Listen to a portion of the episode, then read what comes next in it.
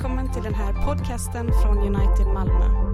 För mer information om oss besök uv.unitedmalmo.nu och följ oss på Twitter.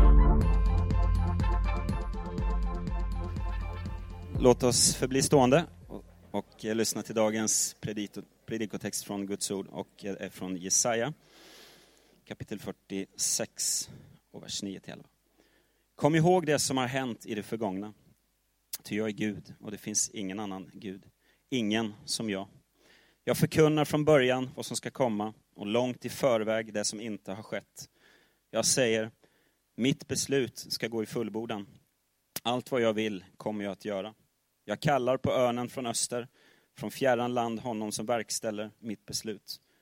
Vad jag har talat, det låter jag ske. Vad jag har beslutat, det sätter jag i verket. Detta är Guds ord till oss. Tredje delen av eh, trosbekännelsen. Vi tror på Gud Fader allsmäktig. Bibeln består ju, om, består ju av himla massa bokstäver. Eh, många sidor och många kapitel. Det är ungefär fem, 1500 sidor, 300 miljoner, 300 miljoner, 3 miljoner bokstäver, 740 000 ord, 35 690 eh, verser, 1346 kapitel. Det tar 50 timmar att läsa Bibeln rakt igenom tyst för dig själv. Läser du den högt så tar det 80 eh, timmar. Och det är svårt för oss enskilda själv att summera Bibelns budskap i någon enkel mening eller några enkla meningar. Det är eh, svårt att själv få ihop vad hela Bibeln talar om eh, i enkla meningar som ska fånga kärnan i den kristna tron. Och det har vi fått hjälp med. Och det är den apostoliska trosbekännelsen som gör detta för oss. Det är en apostolisk troskännelse som, som förenar alla troende genom alla tider och traditioner kring kärnan i den kristna tron. Där har vi det. Kärnan i den kristna tron, den apostoliska trosbekännelsen. Och den delas in i tre huvudsakliga artiklar. Gud Fader allsmäktig och skapare, Gud över oss. Jesus Kristus som Guds son, Herre och frälsare, Gud för oss. Anden som hjälpare och givaren av livet, Gud med oss. Det är den strukturen som vi ser i, i den apostoliska trosbekännelsen. Idag ska vi tala om Gud som allsmäktig. Gud Fader allsmäktig. Vad betyder det och vad, vad, ska det göra med oss när vi får kunskap om att Gud är allsmäktig? Det finns ingen annan som honom. Han har all kraft i världen. Vad ska det göra med oss? Ja, det ska inte göra oss filosofiska. Det är inte tänkt att vi ska börja grubbla nu och, och bygga resonemang som är filosofiska resonemang för att försöka få ihop det här med att Gud är i kontroll över allting. Han är allsmäktig, finns ingen som honom. Och tanken är inte att vi ska nu bli stressade av detta, att vi ska på något sätt ändra definitionen på Guds allsmäktighet, begränsa det lite för att vi ska förstå det, för det är enklare att förstå det om vi gör honom lite mindre. Tanken är inte att nu ska vi hissna här och få teologisk svindel och, och eh, tappa, tappa fotfästet. Och att Gud blir så stor så att han kommer långt bort ifrån oss. Tvärtom, att Gud blir så stor så att han kommer väldigt, väldigt nära oss. Det är det som ska hända med oss när vi, när vi står inför Guds allsmäktighet. Inte att du får svindel nu, inte att du, du, du får panik, att du inte får ihop allting. Och hur kan, han vara i kontroll över allting? Bestämmer han att jag gör så här nu? Ja, då är jag ju en robot. Det är du inte. Du är skapad av Gud med en vilja att bestämma. Och det är viktigt, för det talar Bibeln om. Man kan inte göra sådana här teologiska resonemang eller filosofiska resonemang när man ställer upp Guds allsmäktighet och så vårt eget ansvar och säga men då spelar det ju ingen roll vad jag än gör för Gud är ändå kontroll över allt. Det är inte det här som ska ske. Det är inte så vi ska börja tänka när vi tittar på Guds allsmäktighet. Tvärtom, det ska handla om att vi får förtröstan på Gud. Att vi får tröst Att vi, att vi känner att jag kan luta hela min, min livstyngd mot den här allsmäktige guden som har kommit mig nära. Det ska, det ska ske. Det är det som är tanken här idag, att du ska få finna tröst och hjälp att lita på Gud, Fader allsmäktig. När Gud förklarar att han är Gud, att det inte finns någon annan, så, så förklarar han och kommer in i ofta situationer när vi inte förstår att han är Gud. När det händer saker omkring oss som, som skakar om oss, det är då vi behöver höra att Gud är Gud och det finns ingen annan som honom. Han har makt över det du går igenom. Han har kontroll över det du utsätts för. Och det är det han behöver göra när han kommer till sitt folk om och om igen. Och han behöver säga, jag är Gud, det finns ingen annan som jag. För han vill få oss att vakna upp. Och han vill också få oss att vakna upp och se att vi lever inte så som att vi tror att han är Gud. Vi, vi, vi lever inte och bejakar att han är Gud och Gud säger, jag är Gud. Och du lever inte, agerar inte som att du förstår att jag är Gud. Det finns ingen annan än mig. Så syftet med att veta att Gud är suverän, det är att trösta oss. Det är det stora syftet, att vi ska finna tröst och hopp i att han är den mäktiga guden. Som har förmåga att frälsa oss. Vi behöver också höra det när vi blir självsäkra och tror att vi har kontroll. Hur många vill ha kontroll här inne? Det var bara 20 stycken. Ni andra har insett att man har inte kontroll. Man vill ju få kontroll på livet, man vill ju göra sitt bästa för att man ska ha kontroll på det som är runt omkring sig. Man vill kontrollera familjen, barnen, maken, frun, jobbet, pastorn, kyrkan, kompisarna. Allt detta vill vi kontrollera. Vi vill ha kontroll. Och när vi blir sådär självsäkra så kommer Gud till oss och säger, jag är Gud och det finns ingen annan än mig. Jag har kontroll. Jag har ditt liv i mina händer. Gud kommer och stillar vår längtan efter kontroll. Det är det han gör. Han kommer in och stillar vår längtan efter kontroll och tas upp lik en far. Och vi får höra hans röst. Jag har kontroll över allting. Ingenting som händer dig är utanför mina gränser och min makt. Det är tröst. Det är tröst. Det är inte tröst om man inte skulle haft den kontrollen. Det är inte tröst om man inte skulle vara mäktig nog att, att ingripa eller, eller ta sig igenom det vi går igenom. Det är ingen tröst. Det är vårt hopp att han är allsmäktig, att han har kontroll.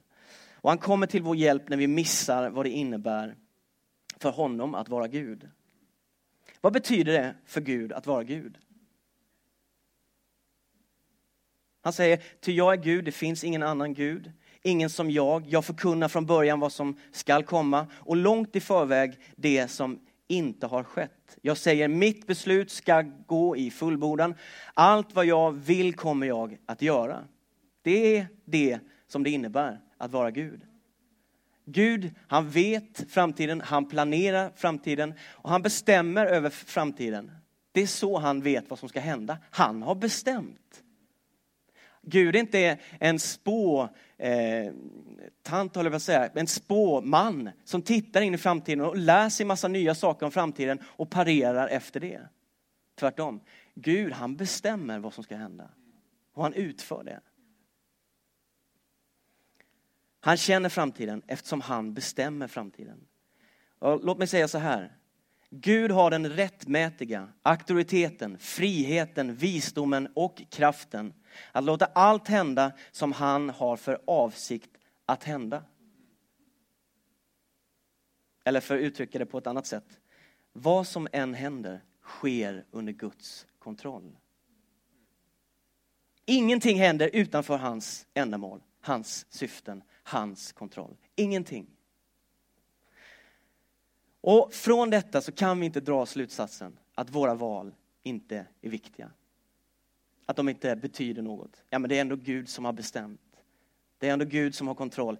Från det så kan vi inte dra en sån konklusion. Därför det är inte bibliskt. Bibeln lär väldigt tydligt att våra val är otroligt viktiga. De är avgörande för död eller liv, evighet. Våra val betyder massor. Och vi kan inte heller dra slutsatsen ifrån att Gud har allting under kontroll, att vi tänker, då är det väl ingen mening att be? För då har han redan bestämt allting, varför ska jag då be? Du ska be därför Bibeln uppmanar dig till att be. Och på det sätt som Gud har tänkt att verka i sin skapelse och utföra det som han har bestämt. Ingenting händer utanför hans ändamål, hans kontroll.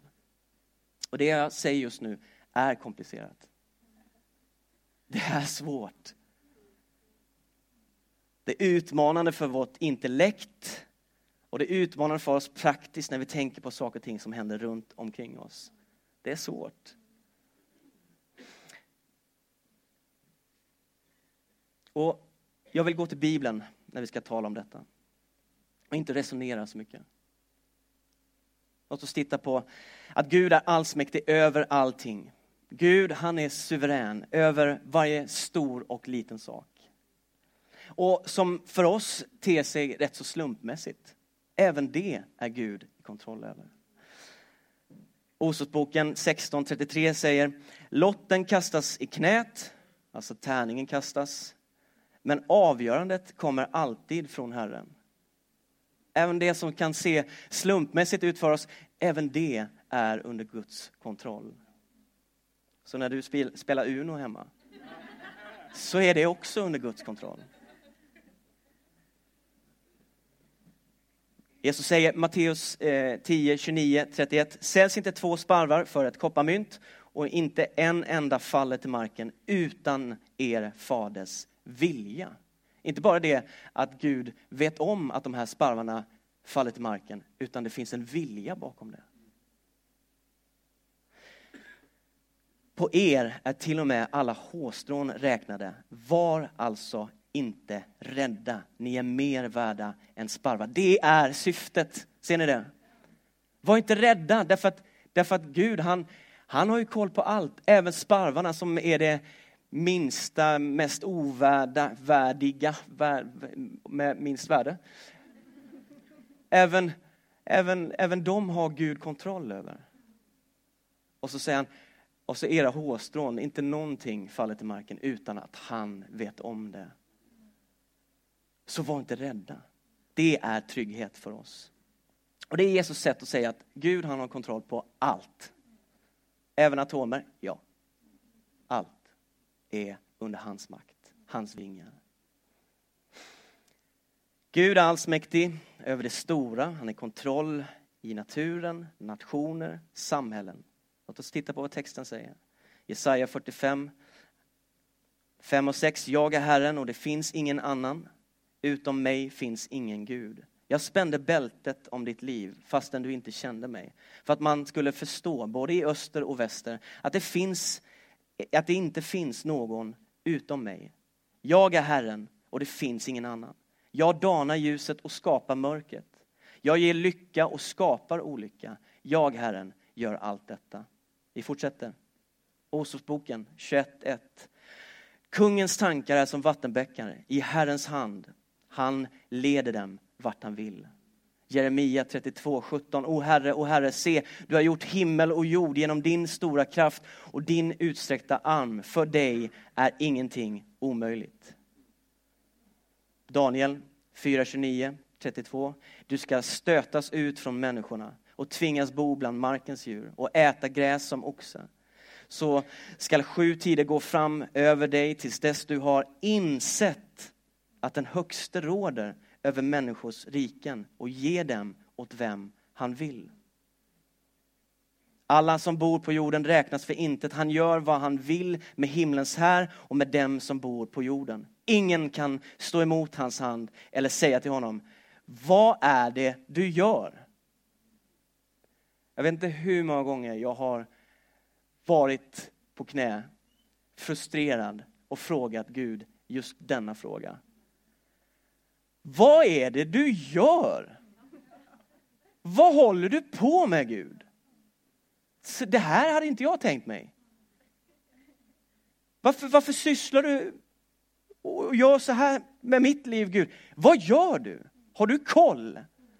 Och då får texten komma till oss och trösta och säga ja, jag har koll. Och jag ser långt mycket mer än du ser. Man får på, på nytt bli påminn om just den här relationen att han är vår fader i himlen som vet och känner oss väl och mycket bättre än vi gör själva. Och ni som är föräldrar, ni förstår den bilden. Ni förstår den bilden av mamma och pappa som vill väl, men barnen som inte förstår. Alltså det är ju, det är ju så orättvist att man ska behöva gå och lägga sig och, och, och inte titta på Netflix. Alltså det är ju så omänskligt. Det borde ju, borde ju genom FN på något sätt bara förbjudas. Och där står man som förälder frustrerad och önskar att barnet förstår. Eller hur? Ni känner igen det. Och i den relationen så är vi med vår Gud. Där han tar igenom oss olika passager där vi måste få säga, jag förstår inte. För det finns utrymme för tvivel. Det finns utrymme för de här frågorna. Gud, vad händer, vad sker, har du koll? Ser du vad jag går igenom? Och där kan vi inte vara teologiska nördar där vi kommer in och säger, ja Gud har ett syfte med det. Gud har en plan med att du bröt benet. Eller att du förlorade ditt jobb. Utan där måste vi få, få möta tröst och våga tvivla. Men stilla oss efter ett tag. Stilla oss efter ett tag. Och förstå att Gud, han är i kontroll över allt detta. Även det som är jobbigt, även det som är svårt. Vi vet ju inte alltid vad som ligger bakom. Vi vet inte heller vad som kan hända med andra människor som kanske får möta oss i vår svårighet. Vi vet inte vilka planer Gud alltid har. Och vi kanske aldrig kommer riktigt få reda på det. Men vi vet att Gud han har lovat att han kommer samverka allt till det bästa. Det är vårt hopp. Paulus han gör anspråk på att vad är den här världens lidande när man jämför med den härlighet som kommer? Alltså han, han, han, han vill få oss att se att det kommer någonting som är bra mycket större, bättre än vad vi någonsin kan förstå. Det ska vi ha med oss i vårt lidande. Vi fortsätter Ordspråksboken 16.4. Herren har gjort var sak för sitt särskilda syfte, även den ogudaktige för olyckans dag. Psalm 115. Vår Gud är i himlen, han gör allt vad behagar honom. Ordspråksboken 16.9. Människans hjärta tänker ut sin väg, det gör vi ju. Vi planerar massa saker, hela tiden. Men Herren är den som styr hennes steg. Och kanske vi ska ödmjuka oss inför det faktum att vi kan inte planera allt. Vi kan inte bestämma allt. Det finns väldigt lite egentligen vi kan ha kontroll över. Och, och säga det som vi blir uppmanade i Jakobs brev. Om Herren vill och jag får leva, ja, då hoppas vi på att det ska bli så här. För när vi krampaktigt håller tag i att vi ska ha kontroll och vi ska planera och vi ska fixa och vi, vi ska ha makten så kommer vi ganska snabbt inse, det har vi inte. Och du har också sett det. Det har hänt dig massa saker i livet som du inte har haft kontroll över. Gud han behöver komma in och påminna oss om och om igen att han är Gud. Det finns ingen som honom. Allt som sker, sker efter hans beslut och hans planer. Och han kommer att samverka allt till det bästa. För den som är kallade efter hans beslut. Gud är nämligen densamme igår och idag och i evighet, så hans råd kommer att stå. Och han kommer att fullgöra sina syften. Det finns nämligen ingen förändring i Gud. Det är inte så att Gud någonstans får mer kunskap om någonting. Titta in längs med historiens korridor och så upptäcker att det finns människor som väljer honom och då tänker han, då väljer jag dem. Och så får han mer kunskap. Gud kan inte få mer kunskap. Han kan inte lära sig någonting nytt. För han vet allting redan. Gud är oföränderlig. Han är inte begränsad i vad han kan se. Han är allsmäktig över allting, i kontroll över allt. Natt som dag, storm som stiltje. Allt detta är i hans händer. När man kommer till sista kapitlet i första Mosebok så har man varit igenom en resa med Josef och hur han blev såld till slav och mycket elände hände honom. Men till slut så får han vara på faraos sida och hjälpa sitt folk. Då kommer en summering av egentligen vad som har hänt i hela första Mosebok. Och också egentligen av allting som har hänt och kommer att hända. Just det här, vi förstår inte riktigt varför, men Gud han har sin plan. Han säger i första Mosebok 5.20, ni menade för ont, men Gud har tänkt det för gott, så att han skulle kunna rädda många liv. Det är syftet bakom. Det som händer, det är planen. Han ska rädda många liv. Han ska, han ska föra oss till frälsning och han ska visa sin härlighet och sin makt till hans ära genom detta. Det är planen. Så detta kan vi också ha som summering faktiskt kring våra liv. Mycket saker som vi går igenom, du och jag, att världen är kanske menade för ont. Det som, det som hände var ont, men Gud han har en plan bakom att vända det till det goda. Och så säger du, när kommer det goda då? Alltså nu har jag hållit på med det här och tro på han som säger att eh, han är den enda. Och när kommer de här bra grejerna? För det, kommer, det har inte kommit än. Ja, då får vi stilla och säga, att nej det kanske inte kommer under den levnadstid vi har här på jorden. Det goda det kommer. Det finns det ett tydligt löfte om. Det goda det kommer. Och vi är på resa dit. Vi är på en vandring dit. Det goda det kommer. Och att vi kan lita på att det goda det kommer. Det kan vi bara göra för att Gud är allsmäktig. Då vet vi att det kommer bli bra till sist för att han har kontroll på slutet. Vi vet att vi kan lita på honom för han har kontroll. Om, om det hade varit någonting som står utanför hans kontroll, hur ska vi då veta att det blir bra till slut? Vår tröst är att han är allsmäktig. Det är vårt hopp. Och Gud, han är allsmäktig i frälsningen. Gud är allsmäktig i frälsningen på ett sådant sätt att han, han börjar med sig själv. Allting börjar med honom. Allting slutar med honom. Han har älskat först så att vi ska kunna älska honom.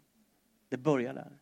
Det är han som tar initiativ till oss, möter oss, söker oss. I Johannes 15 och 16 så står det Ni har inte utvalt mig, utan jag har utvalt er och bestämt om er att ni ska gå ut och bära frukt. En sådan frukt som består. För att Fadern må ge er vad ni än ber honom om i mitt namn. Gud är allsmäktig i frälsningen och detta är en av anledningarna till att det här uttrycket finns med i trosbekännelsen. Därför detta är oerhört viktigt. Gud är allsmäktig i frälsningen, vill säga att han är den som börjar och han är den som slutar. Du har ingenting att säga till om i detta. Ja, men jag vill vara med och bestämma. Ja, det vill jag också. Jag tycker om att bestämma. Jag tycker det är skönt att bestämma. Och speciellt när människor gör som man vill. Men jag måste ju få med och välja. Jag vet hur så god är Gud. Att han precis så som jag gör eh, som pappa när jag ska fylla år. Så ger jag pengar till mina barn för att de ska kunna köpa mig en gåva. Ja, det har, ju, det har ju hänt er också, eller hur? Och ni vet också det, ni som är föräldrar, att när gåvan kommer, ja då är det inget snack om vems gåvan är. Det är ju barnets gåva som de har inhandlat. För mina pengar! Och, och kommer där och är stolt över det. Ja, och i min godhet som pappa då så, så ger ju dem den den möjligheten att få känna, det är min gåva. Och den ger, hur mycket godare är inte vår fader i himlen? När han sträcker ut och så betalar han för dig och du får gåvan att få välja honom. Så god är han. Så ja, du väljer. Och du är ansvarig inför vad du väljer. Frälsningen ligger nämligen inte i våra händer. Frälsningen tillhör Herren. Det här är mitt hopp. För om det hade legat på Christian Lindstedts axlar att bevara mig troende till slutet, då hade det gått åt helvete. Om det hade varit upp till mig att kämpa för att bevara mig själv troende, då hade inte jag klarat det. Det är möjligt att du känner att du hade klarat det, att du är bättre lämpad för det, men jag är inte lämpad för att vara troende överhuvudtaget. Jag har liksom inte de generna. Mitt hopp är att min frälsning ligger i Guds händer. Och att när jag villar bort mig, när jag går, går vilse, så har jag en pappa som är bakom mig och fångar upp mig och hittar mig och tar mig hem. Det är mitt hopp. Frälsningen ligger inte i vår Den tillhör Herren. Andra Timoteusbrevet 1.9. Han har frälst oss och kallat oss med en helig kallelse. Inte på grund av det som vi har uträttat, utan i kraft av sitt beslut och sin nåd som han har gett oss i Kristus Jesus från evighet. Beslutet är hans. Låt mig avsluta med den sista punkten. Gud är allsmäktig från början till slutet. Vi vet att Gud kommer uppnå sina syften. Vi vet att han kommer göra allting nytt som han har lovat. Att han kommer ge oss evigt liv och bevara oss. Att han kommer ge oss himlen och en evig gemenskap tillsammans med honom. Vi vet att han kommer torka bort alla våra tårar. Vi vet att allt det där goda som han lovat, det kommer. Hur vet vi det? För att han är allsmäktig.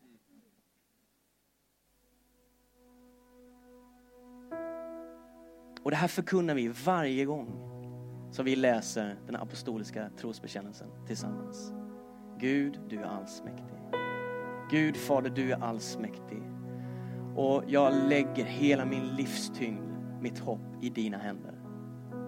Vad jag än går igenom så, så, så vill jag lita på att du har det i din hand. Och kanske jag inte förstår allting som sker med mig, så är min tröst att du inte har tappat bort mig.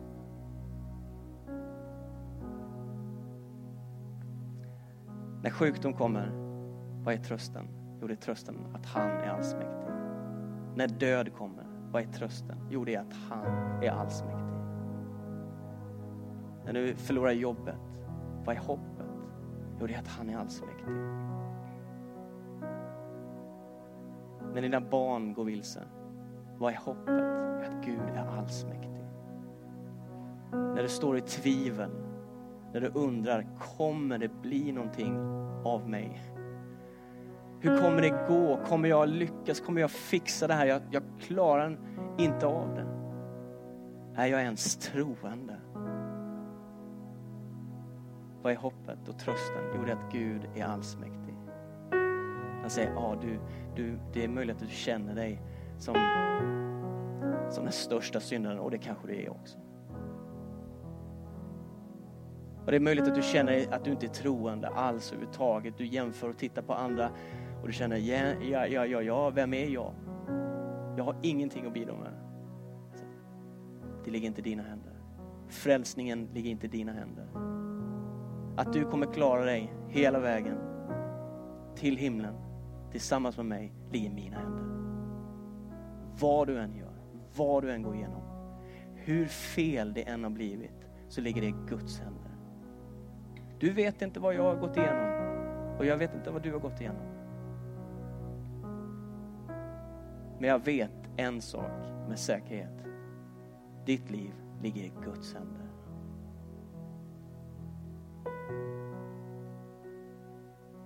Ingenting kan skilja oss ifrån honom. Och, och, det är den här kunskapen om att Gud är allsmäktig. den ska trösta oss. Den ska ge oss glädje och skapa en lovsång hos oss.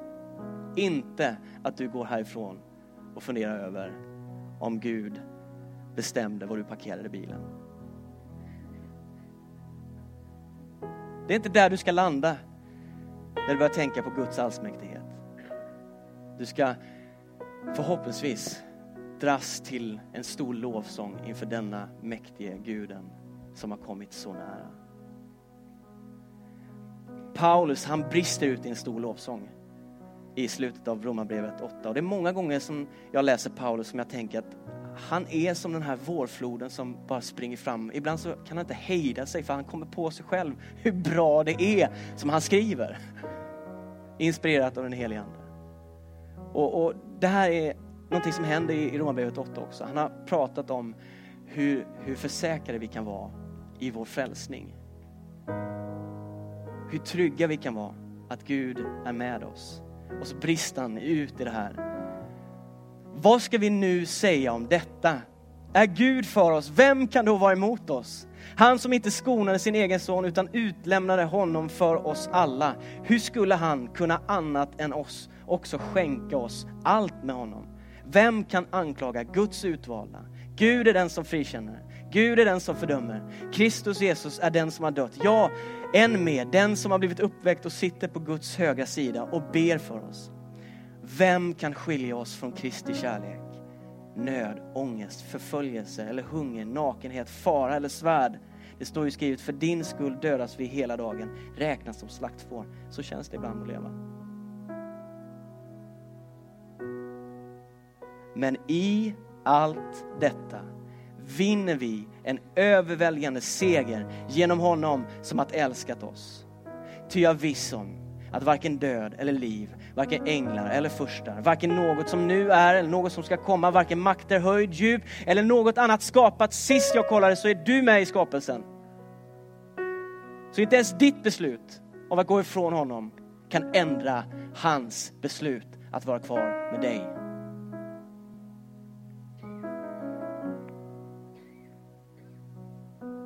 Inget ska kunna skilja oss ifrån Guds kärlek i Kristus Jesus, vår Herre. Det här är det Guds allsmäktighet handlar om.